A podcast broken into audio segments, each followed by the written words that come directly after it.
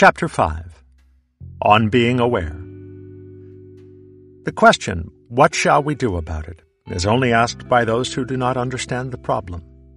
If a problem can be solved at all, to understand it and to know what to do about it are the same thing.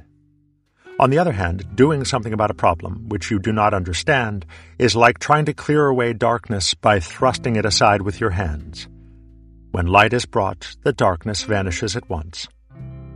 This applies particularly to the problem now before us. How are we to heal the split between I and me, the brain and the body, man and nature, and bring all the vicious circles which it produces to an end? How are we to experience life as something other than a honey trap in which we are the struggling flies? How are we to find security and peace of mind in a world whose very nature is insecurity, impermanence, and unceasing change? All these questions demand a method and a course of action. At the same time, all of them show that the problem has not been understood. We do not need action yet. We need more light. Light here means awareness. To be aware of life, of experience as it is at this moment, without any judgments or ideas about it. In other words, you have to see and feel what you're experiencing as it is, and not as it is named. This very simple opening of the eyes brings about the most extraordinary transformation of understanding and living, and shows that many of our most baffling problems are pure illusion. This may sound like an oversimplification because most people imagine themselves to be fully enough aware of the present already, but we shall see that this is far from true. The word awareness is used in the sense given to it by J. Krishnamurti whose writings discuss this theme with extraordinary perception. Because awareness is a view of reality free from ideas and judgments, it is clearly impossible to define and write down what it reveals. Anything which can be described is an idea, and I cannot make a positive statement about something, the real world, which is not an idea. I shall therefore have to be content with talking about the false impressions which awareness removes, rather than the truth which it reveals. The latter can only be symbolized with words which mean little or nothing to those without a direct understanding of the truth in question. What is true and positive is too real and too living to be described, and to try to describe it is like putting red paint on a red rose. Therefore, most of what follows will have to have a rather negative quality. The truth is revealed by removing things that stand in its light, an art not unlike sculpture, in which the artist creates not by building, but by hacking away. We saw that the questions about finding security and peace of mind in an impermanent world showed that the problem had not been understood. Before going any further, it must be clear that the kind of security we are talking about is primarily spiritual and psychological. To exist at all, human beings must have a minimum livelihood in terms of food, drink, and clothing, with the understanding, however, that it cannot last indefinitely. But if the assurance of a minimum livelihood for 60 years would even begin to satisfy the heart of man, human problems would amount to very little. Indeed, the very reason why we do not have this assurance is that we want so much more than the minimum necessities. It must be obvious from the start that there is a contradiction in wanting to be perfectly secure in a universe whose very nature is momentariness and fluidity. But the contradiction lies a little deeper than the mere conflict between the desire for security and the fact of change. If I want to be secure, that is, protected from the flux of life, I am wanting to be separate from life. Yet it is this very sense of separateness which makes me feel insecure. To be secure means to isolate and fortify the I. But it is just the feeling of being an isolated I which makes me feel lonely and afraid. In other words, the more security I can get, the more I shall want. To put it still more plainly, the desire for security and the feeling of insecurity are the same thing. To hold your breath is to lose your breath. A society based on the quest for security is nothing but a breath retention contest in which everyone is as taut as a drum and as purple as a beet. We look for this security by fortifying and enclosing ourselves in innumerable ways. We want the protection of being exclusive and special, belonging to the safest church, the best nation, the highest class, the right set, and the nice people. These defenses lead to divisions between us, and so to more insecurity, demanding more defenses. Of course, it is all done in the sincere belief that we are trying to do the right things and live in the best way, but this, too, is a contradiction. I can only think seriously of trying to live up to an ideal, to improve myself, if I am split in two pieces. There must be a good I, who is going to improve the bad me. I, who has the best intentions, will go to work on wayward me and the tussle between the two will very much stress the difference between them. Consequently, I will feel more separate than ever, and so merely increase the lonely and cut off feelings which make me behave so badly. We can hardly begin to consider this problem unless it is clear that the craving for security is itself a pain and a contradiction, and that the more we pursue it, the more painful it becomes. This is true in whatever form security may be conceived. You want to be happy, to forget yourself. And yet, the more you try to forget yourself, the more you remember the self you want to forget. You want to escape from pain, but the more you struggle to escape, the more you inflame the agony. You are afraid and want to be brave, but the effort to be brave is fear trying to run away from itself. You want peace, but the attempt to pacify it is like trying to calm the waves with a flat iron. We are all familiar with this kind of vicious circle in the form of worry. We know that worrying is futile, but we go on doing it because calling it futile does not stop it. We worry because we feel unsafe and want to be safe. Yet it is perfectly useless to say that we should not want to be safe. Calling a desire bad names doesn't get rid of it. What we have to discover is that there is no safety, that seeking it is painful, and that when we imagine that we have found it, we don't like it. In other words, if we can really understand what we are looking for, that safety is isolation, and what we do to ourselves when we look for it, we shall see that we do not want it at all. No one has to tell you that you should not hold your breath for 10 minutes. You know that you can't do it, and that the attempt is most uncomfortable. The principal thing is to understand that there is no safety or security. One of the worst vicious circles is the problem of the alcoholic.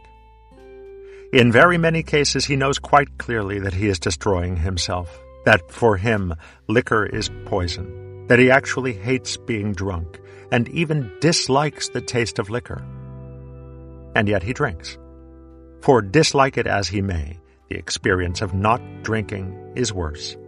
It gives him the horrors, for he stands face to face with the unveiled, basic insecurity of the world. Herein lies the crux of the matter. To stand face to face with insecurity is still not to understand it. To understand it, you must not face it, but be it. It is like the Persian story of the sage who came to the door of heaven and knocked. From within, the voice of God asked, Who is there? And the sage answered, It is I. In this house, replied the voice, there is no room for thee and me. So the sage went away, and spent many years pondering over this answer in deep meditation. Returning a second time, the voice asked the same question, and again the sage answered, It is I. The door remained closed. After some years, he returned for the third time and at his knocking the voice once more demanded, Who is there? And the sage cried, It is thyself. The door was opened. To understand that there is no security is far more than to agree with the theory that all things change, more even than to observe the transitoriness of life. The notion of security is based on the feeling that there is something within us which is permanent, something which endures through all the days and changes of life. We are struggling to make sure of the permanence, continuity, and safety of this enduring core, this center and soul of our being, which we call I. For this we think to be the real man, the thinker of our thoughts, the feeler of our feelings, and the knower of our knowledge. We do not actually understand that there is no security until we realize that this I does not exist. Understanding comes through awareness. Can we then approach our experience, our sensations, feelings, and thoughts quite simply, as if we had never known them before, and without prejudice, look at what is going on? You may ask, which experiences, which sensations and feelings shall we look at? I will answer, which ones can you look at? The answer is that you must look at the ones you have now. That is surely rather obvious, but very obvious things are often overlooked. If a feeling is not present, you are not aware of it. There is no experience but present experience. What you know, what you are actually aware of, is just what is happening at this moment, and no more. But what about memories? Surely by remembering I can also know what is past. Very well, remember something. Remember the incident of seeing a friend walking down the street. What are you aware of? You are not actually watching the veritable event of your friend walking down the street. You can't go up and shake hands with him or get an answer to a question you forgot to ask him at the past time you were remembering. In other words, you are not looking at the actual past at all. You are looking at a present trace of the past. It is like seeing the tracks of a bird on the sand. I see the present tracks. I do not at the same time see the bird making those tracks an hour before. The bird has flown, and I am not aware of him. From the tracks I infer that a bird was there. From memories you infer that there have been past events, but you are not aware of any past events. You know the past only in the present, and as part of the present. We are seeing, then, that our experience is altogether momentary. From one point of view, each moment is so elusive and so brief that we cannot even think about it before it is gone. From another point of view, this moment is always here, since we know no other moment than the present moment. It is always dying, always becoming past more rapidly than the imagination can conceive. Yet at the same time, it is always being born, always new, emerging just as rapidly from that complete unknown which we call the future. Thinking about it almost makes you breathless. To say that experience is momentary is really to say that experience and the present moment are the same thing. To say that this moment is always dying, or becoming past, or always being born, or coming out of the unknown, is to say the same thing of experience. The experience you have just had has vanished irretrievably, and all that remains of it is a sort of wake or track in the present, which we call memory. While you can make a guess as to what experience is coming next, in actual fact, you do not know. Anything might happen. But the experience which is going on now is, as it were, a newborn infant, which vanishes before it can even begin to get older. While you are watching this present experience, are you aware of someone watching it? Can you find, in addition to the experience itself, an experiencer? Can you at the same time read this sentence and think about yourself reading it? You will find that to think about yourself reading it, you must for a brief second stop reading. The first experience is reading. The second experience is the thought, I am reading. Can you find any thinker who is thinking this thought I am reading. In other words, when present experience is the thought I am reading, can you think about yourself thinking this thought? Once again, you must stop thinking just I am reading. You pass to a third experience, which is the thought I am thinking that I am reading. Do not let the rapidity with which these thoughts can change deceive you into the feeling that you think them all at once. But what has happened Never at any time were you able to separate yourself from your present thought or your present experience. The first present experience was reading. When you tried to think about yourself reading, the experience changed, and the next present experience was the thought, I am reading. You could not separate yourself from this experience without passing on to another. It was ring around the rosy.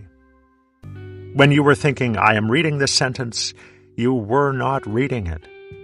In other words, in each present experience, you were only aware of that experience.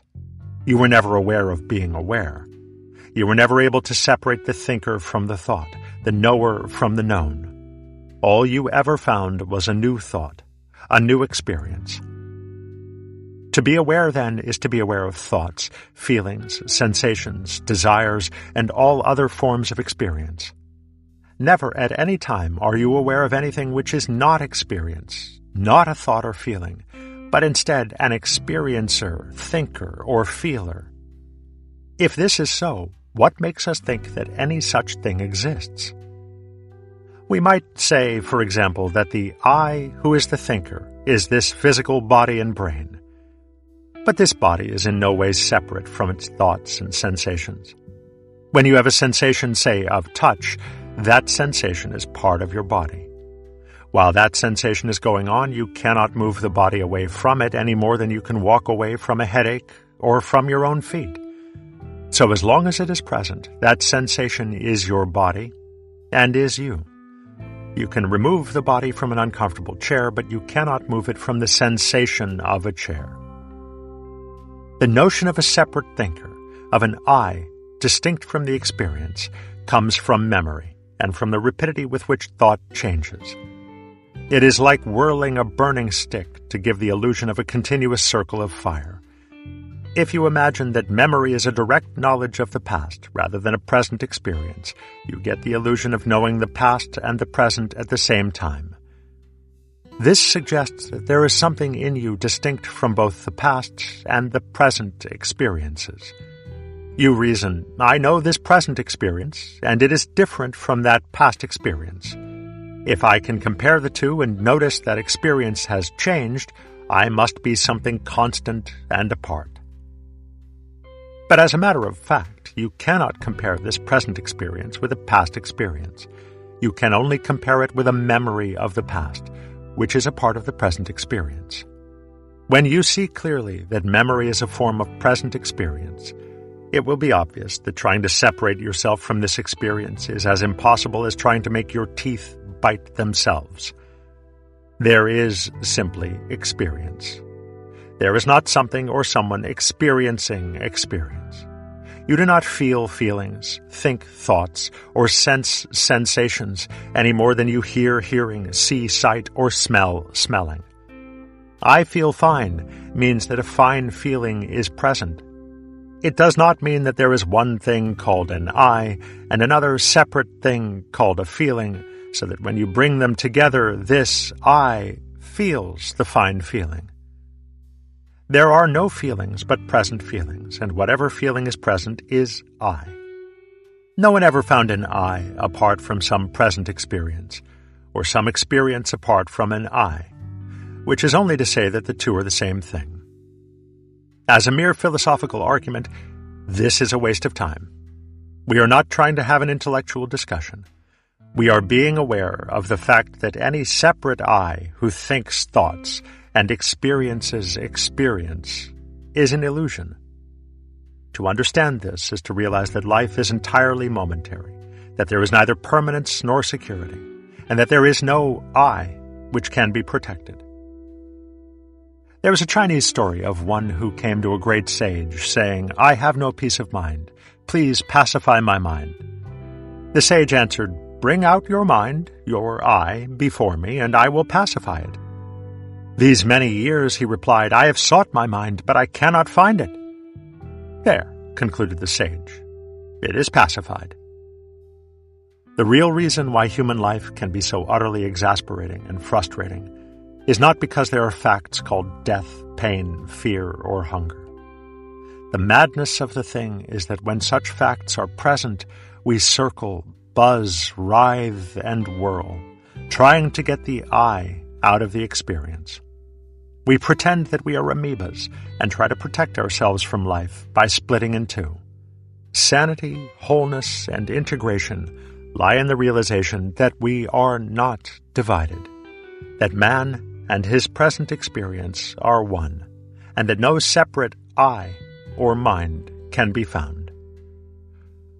While the notion that I am separate from my experience remains, there is confusion and turmoil. Because of this, there is neither awareness nor understanding of experience, and thus no real possibility of assimilating. To understand this moment, I must not try to be divided from it. I must be aware of it with my whole being. This, like refraining from holding my breath for 10 minutes, is not something I should do. In reality, it is the only thing I can do. Everything else is the insanity of attempting the impossible. To understand music, you must listen to it. But so long as you are thinking, I am listening to this music, you are not listening. To understand joy or fear, you must be wholly and undividedly aware of it. So long as you are calling it names and saying, I am happy or I am afraid, you are not being aware of it. Fear, pain, sorrow, and boredom must remain problems if we do not understand them. But understanding requires a single and undivided mind. This, surely, is the meaning of that strange saying, if thine eye be single, thy whole body shall be full of light. Chapter 6 The Marvelous Moment You are listening to a song. Suddenly I ask, At this moment, who are you? How will you answer this question immediately and spontaneously, without stopping to find words? If the question does not shock you out of listening, you will answer by humming the song. If the question surprised you, you will answer, At this moment, who are you? But if you stop to think, you will try to tell me not about this moment, but about the past. I shall get information about your name, address, your business, and personal history. But I asked who you are, not who you were. For to be aware of reality, of the present moment, is to discover that at each moment the experience is all. There is nothing else beside it, no experience of you experiencing the experience. Even in our most apparently self-conscious moments, the self of which we are conscious is always some particular feeling or sensation of muscular tensions, of warmth or cold, of pain or irritation, of breath or of pulsing blood. There is never a sensation of what senses sensations, just as there is no meaning or possibility in the notion of smelling one's nose or kissing one's lips. In times of happiness and pleasure, we are usually ready enough to be aware of the moment and to let the experience be all. In such moments, we forget ourselves, and the mind makes no attempt to divide itself from itself, to be separate from experience. But with the arrival of pain, whether physical or emotional, whether actual or anticipated. The split begins, and the circle goes round and round. As soon as it becomes clear that I cannot possibly escape from the reality of the present, since I is nothing other than what I know now, this inner turmoil must stop.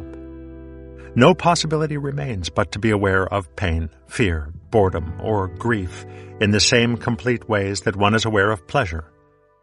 The human organism has the most wonderful powers of adaptation to both physical and psychological pain, but these can only come into full play when the pain is not constantly re-stimulated by this inner effort to get away from it, to separate I from the feeling. The effort creates a state of tension in which the pain thrives. But when the tension ceases, mind and body begin to absorb the pain as water reacts to a blow or cut. Here is another story of a Chinese sage who was asked, How shall we escape the heat? Meaning, of course, the heat of suffering. He answered, Go right into the middle of the fire. But how then shall we escape the scorching flame? No further pain will trouble you. We do not need to go as far as China. The same idea comes in the Divine Comedy, where Dante and Virgil find that the way out of hell lies at its very center. In moments of great joy, we do not, as a rule, stop to think, I am happy, or this is joy. Ordinarily, we do not pause to think thoughts of this kind until the joy is past its peak, or unless there is some anxiety that it will go away. At such times, we are so aware of the moment that no attempt is made to compare its experience with other experiences. For this reason, we do not name it, for names which are not mere exclamations are based on comparisons. Joy is distinguished from sorrow by contrast, by comparing one state of mind with the other. Had we never known joy, it would be impossible to identify sorrow as sorrow. But in reality, we cannot compare joy with sorrow. Comparison is possible only by the very rapid alternation of two states of mind, and you cannot switch back and forth between the genuine feelings of joy and sorrow as you can shift your eyes between a cat and a dog. Sorrow can only be compared with the memory of joy, which is not at all the same thing as joy itself. Like words, memories never really succeed in catching reality. Memories are somewhat abstract, being a knowledge about things rather than of things. Memory never captures the essence, the present intensity, the concrete reality of an experience. It is, as it were, the corpse of an experience, from which the life has vanished. What we know by memory, we know only by second hand. Memories are dead because fixed. The memory of your deceased grandmother can only repeat what your grandmother was, but the real, present grandmother could always do or say something new, and you were never absolutely sure what she would do next. There are then two ways of understanding an experience. The first is to compare it with the memories of other experiences, and so to name and define it. This is to interpret it in accordance with the dead and the past. The second is to be aware of it as it is, as when, in the intensity of joy, we forget past and future, let the present be all, and thus do not even stop to think, I am happy. Both ways of understanding have their uses, but they correspond to the difference between knowing a thing by words and knowing it immediately. A menu is very useful, but it is no substitute for the dinner. A guidebook is an admirable tool but it is hardly to be compared with the country it describes. The point, then, is that when we try to understand the present by comparing it with memories, we do not understand it as deeply as when we are aware of it without comparison. This, however, is usually the way in which we approach unpleasant experiences. Instead of being aware of them as they were, we try to deal with them in terms of the past. The frightened or lonely person begins at once to think, I am afraid or I'm so lonely. This, of course, is an attempt to avoid the experience. We don't want to be aware of this present. But as we cannot get out of the present, our only escape is into memories. Here we feel on safe ground, for the past is the fixed and the known, but also, of course, the dead. Thus, to try to get out of, say, fear, we endeavor at once to be separate from it and to fix it by interpreting it in terms of memory, in terms of what is already fixed and known. In other words, we try to adapt ourselves to the mysterious present by comparing it with the remembered past, by naming and identifying it. This would be all very well if you were trying to get away from something from which you can get away. It is a useful process for knowing when to come in out of the rain. But it does not tell you how to live with things from which you cannot get away, which are already part of yourself. Your body does not eliminate poisons by knowing their names. To try to control fear or depression or boredom by calling them names is to resort to superstition of trust in curses and invocations. It is so easy to see why this does not work. Obviously, we try to know, name, and define fear in order to make it objective, that is, separate from I. But why are we trying to be separate from fear? Because we are afraid. In other words, fear is trying to separate itself from fear, as if one could fight fire with fire. And this is not all. The more we accustom ourselves to understanding the present in terms of memory, the unknown by the known, the living by the dead, the more desiccated and embalmed, the more joyless and frustrated life becomes.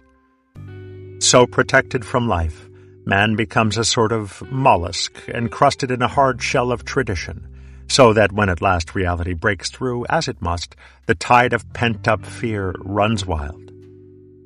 If, on the other hand, you are aware of fear, you realize that because this feeling is now yourself, escape is impossible. You see that calling it fear tells you little or nothing about it, for the comparison and the naming is based not on past experience, but on memory. You have then no choice but to be aware of it with your whole being as an entirely new experience. Indeed, every experience is in this sense new, and at every moment of our lives we are in the midst of the new and the unknown. At this point, you receive the experience without resisting it or naming it, and the whole sense of conflict between I and the present reality vanishes. For most of us, this conflict is ever gnawing within us because our lives are one long effort to resist the unknown, the real present in which we live, which is the unknown in the midst of coming into being. Living thus, we never really learn to live with it. At every moment, we are cautious, hesitant, and on the defensive. And all to no avail, for life thrusts us into the unknown willy nilly, and resistance is as futile and exasperating as trying to swim against a roaring torrent. The art of living in this predicament is neither careless drifting on the one hand, nor fearful clinging to the past and the known on the other. It consists in being completely sensitive to each moment, in regarding it as utterly new and unique, in having the mind open and wholly receptive. This is not a philosophical theory, but an experiment one has to make the experiment to understand that it brings into play altogether new powers of adaptation to life, of literally absorbing pain and insecurity. It is as hard to describe how this absorption works as to explain the beating of one's heart or the formation of genes. The open mind does this, as most of us breathe, without being able to explain it at all. The principle of the thing is clearly something like judo the gentle ju, way, do, of mastering an opposing force by giving in to it. The natural world gives us many examples of the great effectiveness of this way. The Chinese philosophy of which judo itself is an expression, Taoism, drew attention to the power of water to overcome all obstacles by its gentleness and pliability. It showed how the supple willow survives the tough pine in a snowstorm for whereas the unyielding branches of the pine accumulate snow until they crack, the springy boughs of the willow bend under its weight, drop the snow, and jump back again. If, when swimming, you are caught in a strong current, it is fatal to resist. You must swim with it and gradually edge to the side.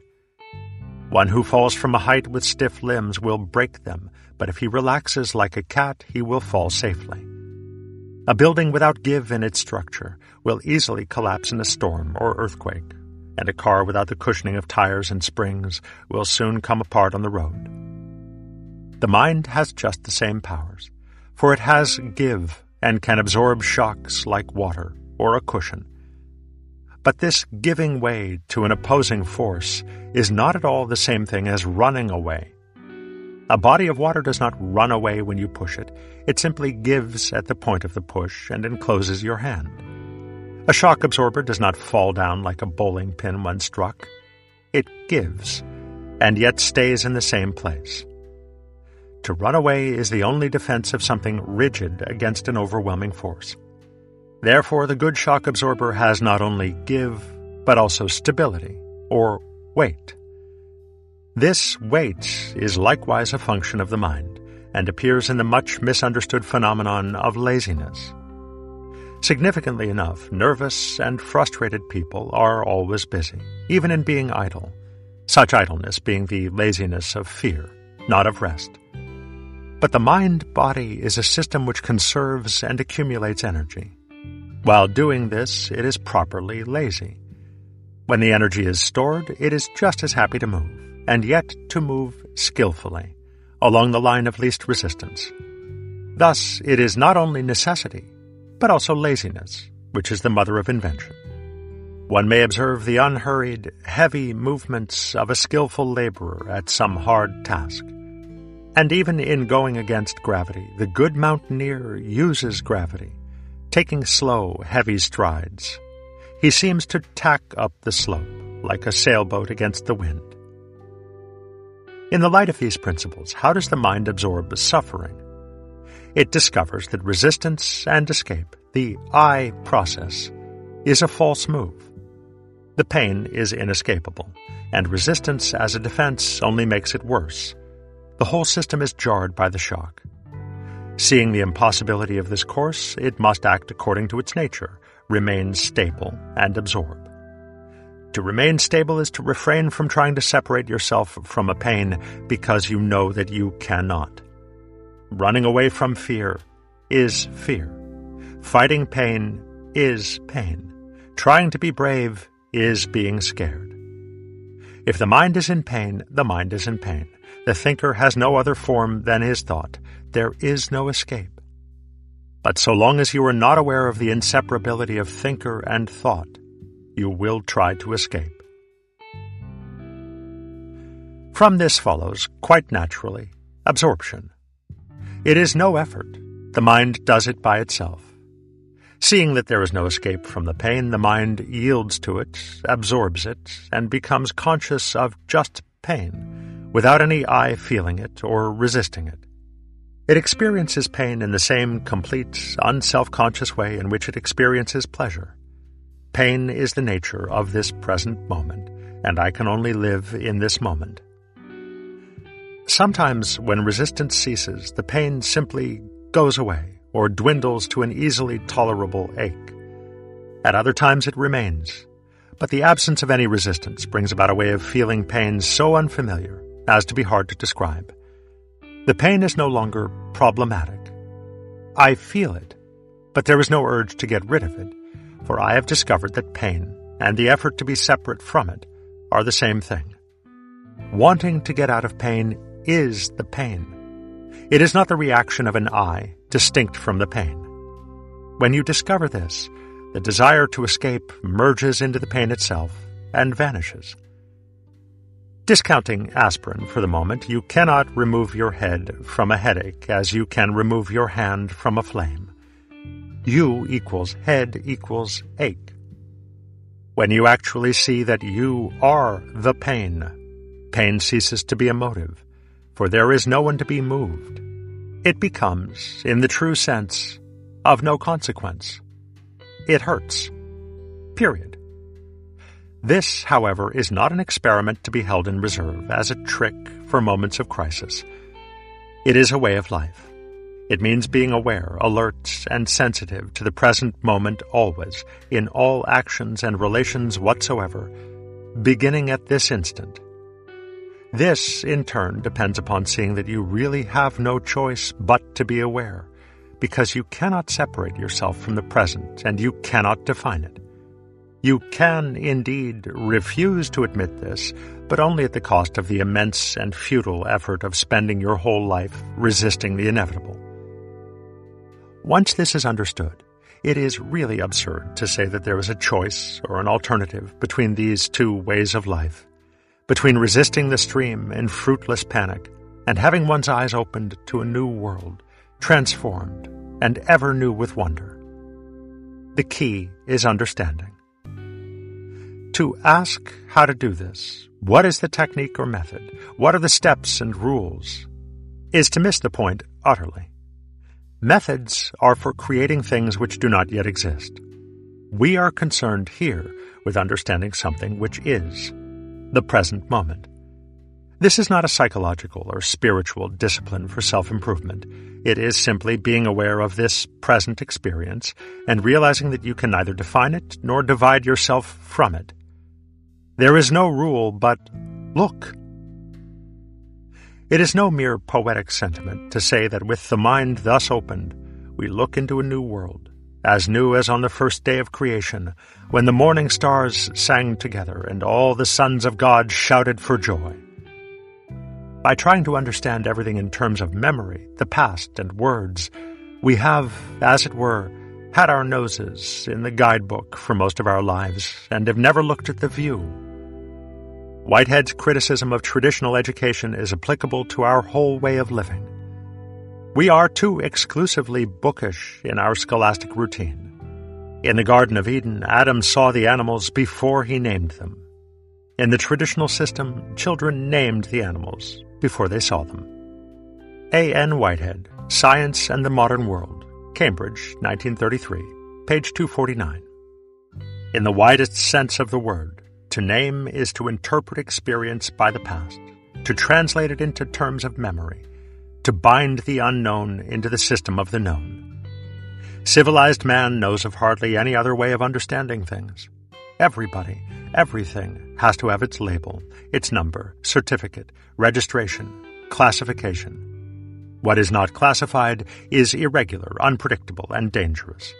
Without passport, birth certificate, or membership in some nation, one's existence is not recognized. If you do not agree with the capitalists, they call you a communist, and vice versa. A person who agrees with neither point of view is fast becoming unintelligible. That there is a way of looking at life apart from all conceptions, beliefs, opinions, and theories is the remotest of all possibilities from the modern mind.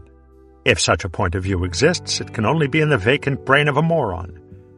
We suffer from the delusion that the entire universe is held in order by the categories of human thought, fearing that if we do not hold to them with the utmost tenacity, everything will vanish into chaos. We must repeat Memory, thought, language, and logic are essential to human life. They are one half of sanity. But a person, a society which is only half sane, is insane.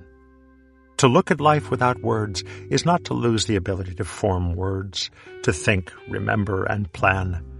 To be silent is not to lose your tongue. On the contrary, it is only through silence that one can discover something new to talk about.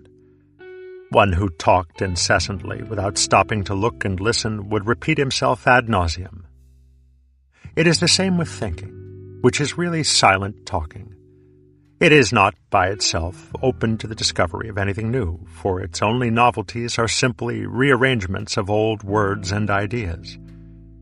There was a time when language was constantly being enriched by new words, a time when men, like Adam, saw things before they named them. Today, almost all new words are rearrangements of old words, for we are no longer thinking creatively. By this, I do not mean that we ought all to be popping with inventions and revolutionary discoveries. This is the always rare power of those who can both see the unknown and interpret it. For most of us, the other half of sanity lies simply in seeing and enjoying the unknown just as we can enjoy music without knowing either how it is written or how the body hears it. Certainly, the revolutionary thinker must go beyond thought. He knows that almost all his best ideas come to him when thinking has stopped. He may have struggled and struggled to understand a problem in terms of old ways of thinking, only to find it impossible. But when thought stops from exhaustion, the mind is open to see the problem as it is, not as it is verbalized, and at once it is understood. But going beyond thought is not reserved to men of genius. It is open to all of us insofar as the mystery of life is not a problem to be solved, but a reality to be experienced. It is given to many to be seers, but to few to be prophets. Many can listen to music, but few can perform and compose. But you cannot even listen if you can only hear in terms of the past. What should we make of one of Mozart's symphonies if our ears were attuned only to the music of tom-toms? We might get the rhythms, but almost nothing of the harmony and melody. In other words, we should fail to discover an essential element of the music. To be able to hear, much less write such a symphony, men had to discover new noises the vibrations of catgut, the sound of air in a tube, and the hum of a plucked wire.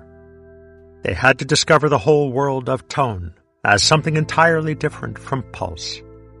If I can only conceive pulse, I cannot appreciate tone. If I can think of painting only as a way of making colored photographs without a camera, I can see nothing but ineptitude in a Chinese landscape. We learn nothing of very much importance when it can be explained entirely in terms of past experience. If it were possible to understand all things in terms of what we know already, we could convey the sense of color to a blind man with nothing but sound, tastes, touch, and smell. If this is true in the various arts and sciences, it is a thousand times more true when we come to the understanding of life in a larger sense and want to have some knowledge of the ultimate reality, or God. It is surely absurd to seek God in terms of a preconceived idea of what God is. To seek thus is only to find what we know already, which is why it is so easy to deceive oneself into all manner of supernatural experiences and visions. To believe in God, and to look for the God you believe in, is simply to seek confirmation of an opinion. To ask for a revelation of God's will and then to test it by reference to your preconceived moral standards is to make a mockery of asking. You knew the answer already. Seeking for God in this way is no more than asking for the stamp of absolute authority and certainty on what you believe in any case, for a guarantee that the unknown and the future will be a continuation of what you want to retain from the past. A bigger and better fortress for I. Ein feste Burg. If we are open only to discoveries which will accord with what we know already, we may as well stay shut. This is why the marvelous achievements of science and technology are of so little real use to us. It is in vain that we can predict and control the course of events in the future unless we know how to live in the present. It is in vain that doctors prolong life if we spend the extra time being anxious to live still longer. It is in vain that engineers devise faster and easier means of travel if the new sights that we see are merely sorted and understood in terms of old prejudices. It is in vain that we get the power of the atom if we are just to continue in the rut of blowing people up. Tools such as these, as well as the tools of language and thought, are of real use to men only if they are awake, not lost in the dreamland of past and future, but in the closest touch with that point of experience where reality can alone be discovered. This moment.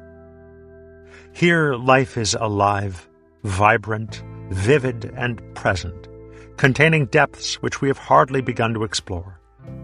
But to see and understand it at all, the mind must not be divided into I and this experience. The moment must be what it always is, all that you are and all that you know. In this house, there is no room for thee and me. Chapter 7 The Transformation of Life the white man fancies himself as a practical person who wants to get results.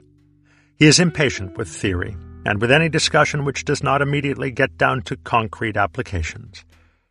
This is why the behavior of Western civilization might be described in general as much ado about nothing. The proper meaning of theory is not idle speculation, but vision. And it was rightly said that where there is no vision, the people perish. But vision in this sense does not mean dreams and ideals for the future. It means understanding of life as it is, of what we are and what we are doing. Without such understanding, it is simply ridiculous to talk of being practical and getting results. It is like walking busily in a fog. You just go round and round. You do not know where you are going, nor what results you really want. To minds that think in this way, what we have discussed so far may seem too theoretical. These ideas are all very well, but do they work? Yet I must ask, what do you mean by work? The usual working test of a philosophy is whether it makes people better and happier, whether it results in peace, cooperation, and prosperity. Yet this is a meaningless criterion without much theoretical understanding. What do you mean by happiness? What are better people better for? And about what will you cooperate? What will you do with peace and prosperity? The answer to these questions depends entirely on what we are and what we actually want now. If, for example, we want at the same time both peace and isolation, brotherhood and security for I, happiness and permanence, our wants are contradictory. their results, however practical we may be about getting them, will be further contradictions. It is the old story of wanting to have your cake and eat it, to which the only possible conclusion is that you put it in your stomach and keep it there until you have violent indigestion. If we must be nationalists and have a sovereign state, we cannot also expect to have world peace. If we want to get everything at the lowest possible cost, we cannot expect to get the best possible quality, the balance between the two being mediocrity. If we make it an ideal to be morally superior, we cannot at the same time avoid self righteousness. If we cling to belief in God, we cannot likewise have faith, since faith is not clinging, but letting go. When we have made up our minds as to what we do want, there remain indeed many practical and technical problems. But there is no point at all in discussing these until we have made up our minds. There is, in turn, no possibility of making up our minds so long as they are split in two, so long as I am one thing and experience another. If the mind is the directive force behind action, the mind and its vision of life must be healed before action can be anything but conflict. Something must therefore be said about the healed vision of life which comes with full awareness, for it involves a deep transformation of our view of the world.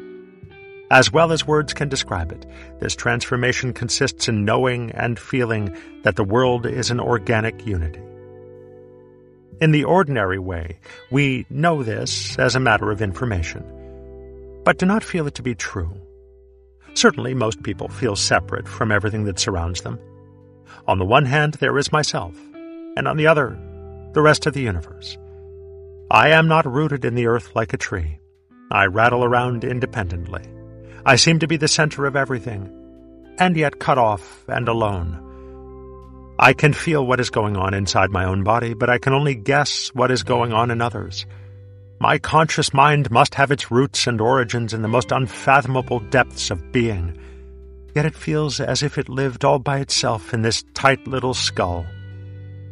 Nevertheless, the physical reality is that my body exists only in relation to this universe and in fact I am as attached to it and dependent on it as a leaf on a tree.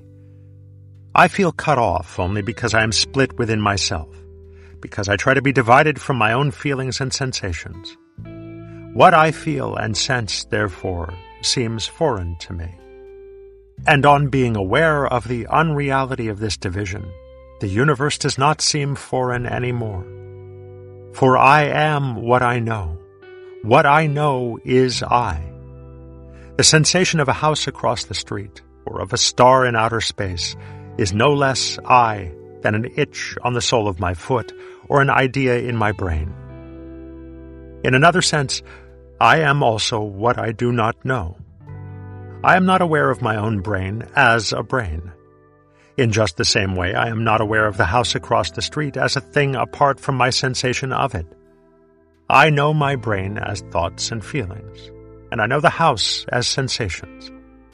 In the same way and sense that I do not know my own brain, or the house as a thing in itself, I do not know the private thoughts in your brain.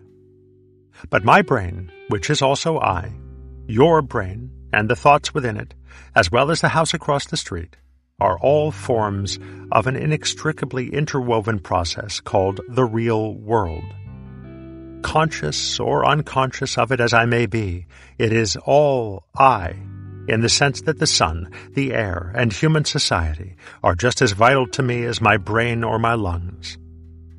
If then this brain is my brain, unaware of it as I am, the sun is my sun, the air my air, and society my society. Certainly I cannot command the sun to be egg-shaped, nor force your brain to think differently. I cannot see the inside of the sun, nor can I share your private feelings. Yet neither can I change the shape or structure of my own brain, nor have a sensation of it as a contraption like a cauliflower. But if my brain is nonetheless I, the sun is I, the air is I, and society of which you are a member is also I, for all these things are just as essential to my existence as my brain. That there is a sun apart from my sensation of it is an inference. The fact that I have a brain, though I cannot see it, is likewise an inference.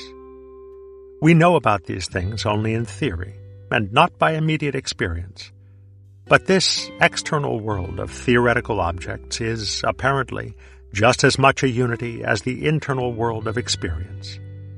From experience, I infer that it exists, and because experience is a unity, I am my sensations, I must likewise infer that this theoretical universe is a unity, that my body and the world form a single process. Now, there have been many theories about the unity of the universe, but they have not delivered human beings from the isolation of egotism, from conflict, and from the fear of life, because there is a world of difference between an inference and a feeling.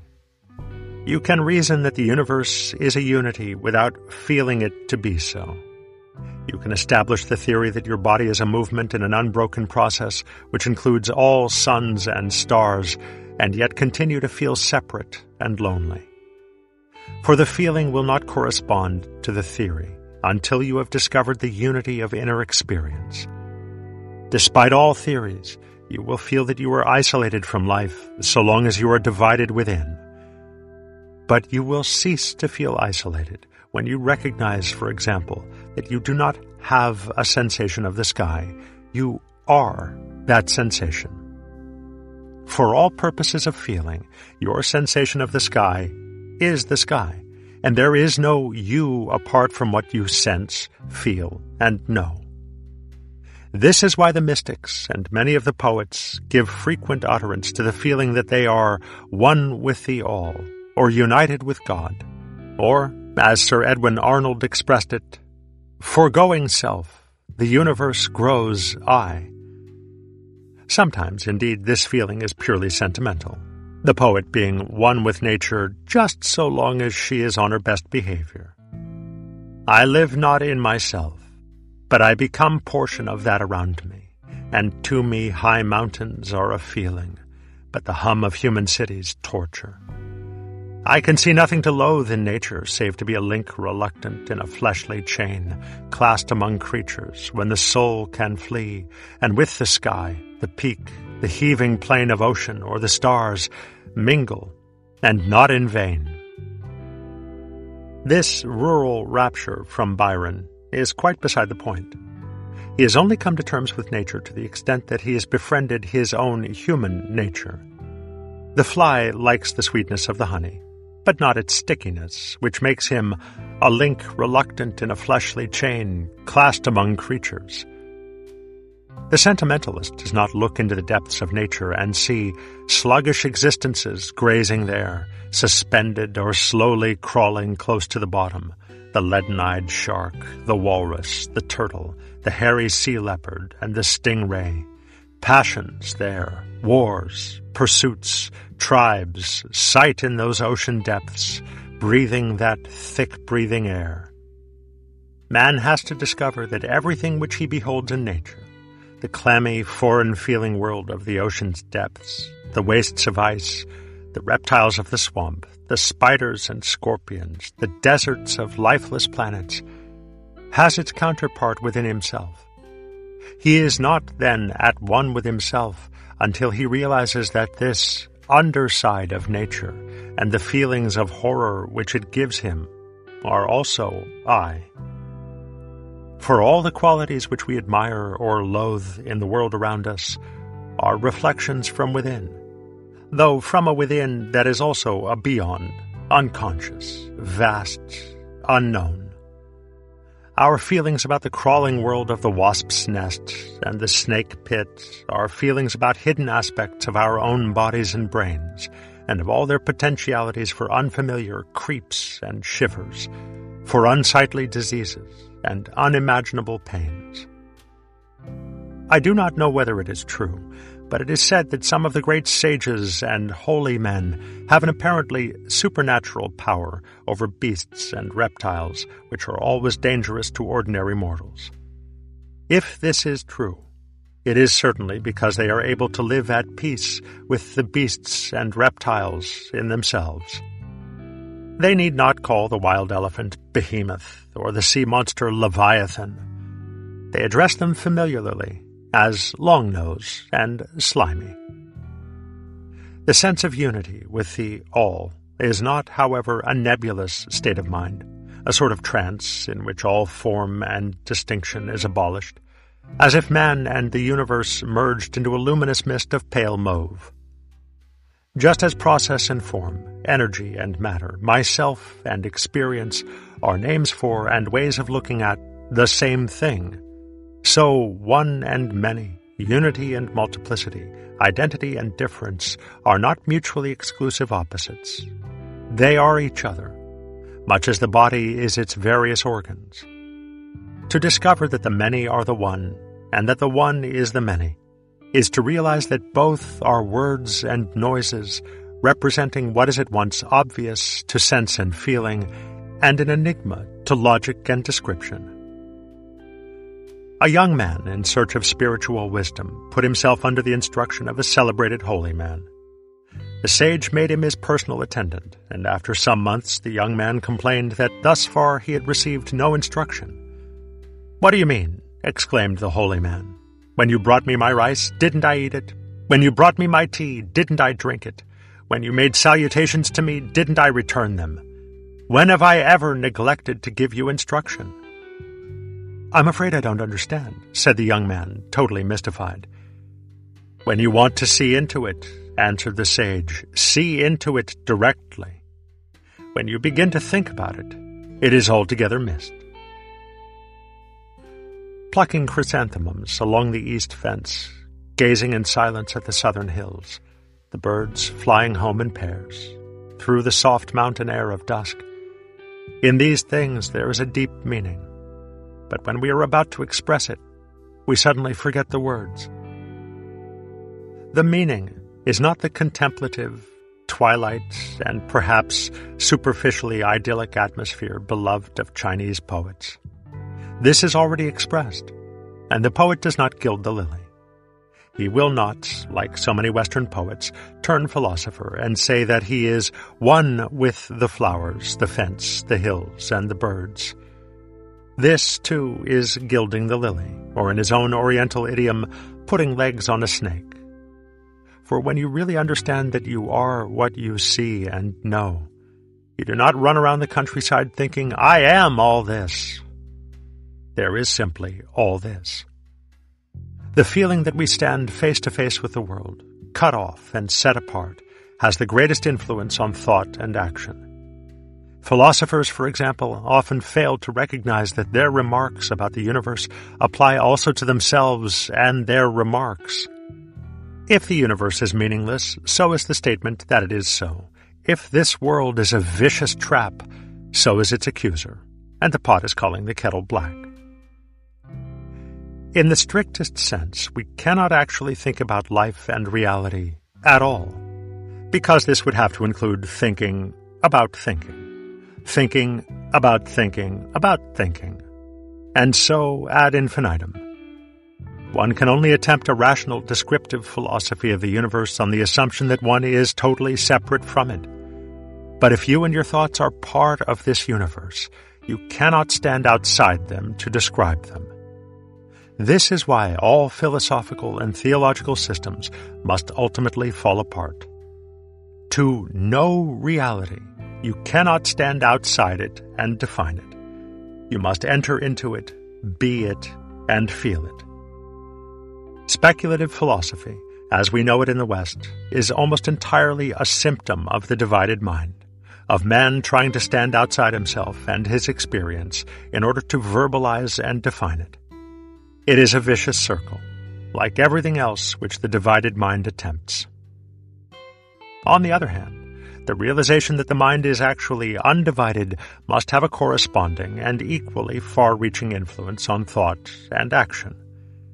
As the philosopher tries to stand outside himself and his thought, so, as we have seen, the ordinary man tries to stand outside himself and his emotions and sensations, his feelings and desires. The result is a fantastic confusion and misdirection of conduct, which discovery of the mind's unity must bring to an end. so long as the mind is split, life is perpetual conflict, tension, frustration, and disillusion. Suffering is piled on suffering, fear on fear, and boredom on boredom. The more the fly struggles to get out of the honey, the faster he is stuck. Under the pressure of so much strain and futility, it is no wonder at all that men seek release in violence and sensationalism, and in the reckless exploitation of their bodies, their appetites, the material world, and their fellow men. What this must add to the necessary and unavoidable pains of existence is incalculable. But the undivided mind is free from this tension of trying always to stand outside oneself and to be elsewhere than here and now. Each moment is lived completely, and there is thus a sense of fulfillment and completeness. The divided mind comes to the dinner table and pecks at one dish after another, rushing on without digesting anything to find one better than the last. It finds nothing good because there is nothing which it really tastes. When, on the other hand, you realize that you live in, that indeed you are this moment now, and no other, that apart from this there is no past and no future, you must relax and taste to the full, whether it be pleasure or pain. At once it becomes obvious why this universe exists, why conscious beings have been produced, why sensitive organs, why space, time, and change. The whole problem of justifying nature, of trying to make life mean something in terms of its future, disappears utterly. Obviously, it all exists for this moment. It is a dance, and when you are dancing, you are not intent on getting somewhere. You go round and round, but not under the illusion that you are pursuing something or fleeing from the jaws of hell. How long have the planets been circling the Earth? Are they getting anywhere? And do they go faster and faster in order to arrive? How often has the spring returned to the earth? Does it come faster and fancier every year, to be sure to be better than last spring, and to hurry on its way to the spring that shall outspring all springs? The meaning and purpose of dancing is the dance. Like music, also, it is fulfilled in each moment of its course. You do not play a sonata in order to reach the final chord. And if the meanings of things were simply in ends, composers would write nothing but finales. It might, however, be observed in passing that the music specifically characteristic of our culture is progressive in some respects, and does, at times, seem to be decidedly on its way to a future climax. But when it gets there, it does not know what to do with itself. Beethoven, Brahms, and Wagner were particularly guilty of working up to colossal climaxes and conclusions, and then blasting away at the same chord over and over again, ruining the moment by being reluctant to leave it. When each moment becomes an expectation, life is deprived of fulfillment, and death is dreaded, for it seems that here expectation must come to an end. While there is life, there is hope. And if one lives on hope, death is indeed the end. But to the undivided mind, death is another moment, complete, like every moment, and cannot yield its secret unless lived to the full. And I laid me down with a will. Death is the epitome of the truth that in each moment we are thrust into the unknown. Here, all clinging to security is compelled to cease and wherever the past is dropped away and safety abandoned, life is renewed. Death is the unknown in which all of us lived before birth. Nothing is more creative than death, since it is the whole secret of life.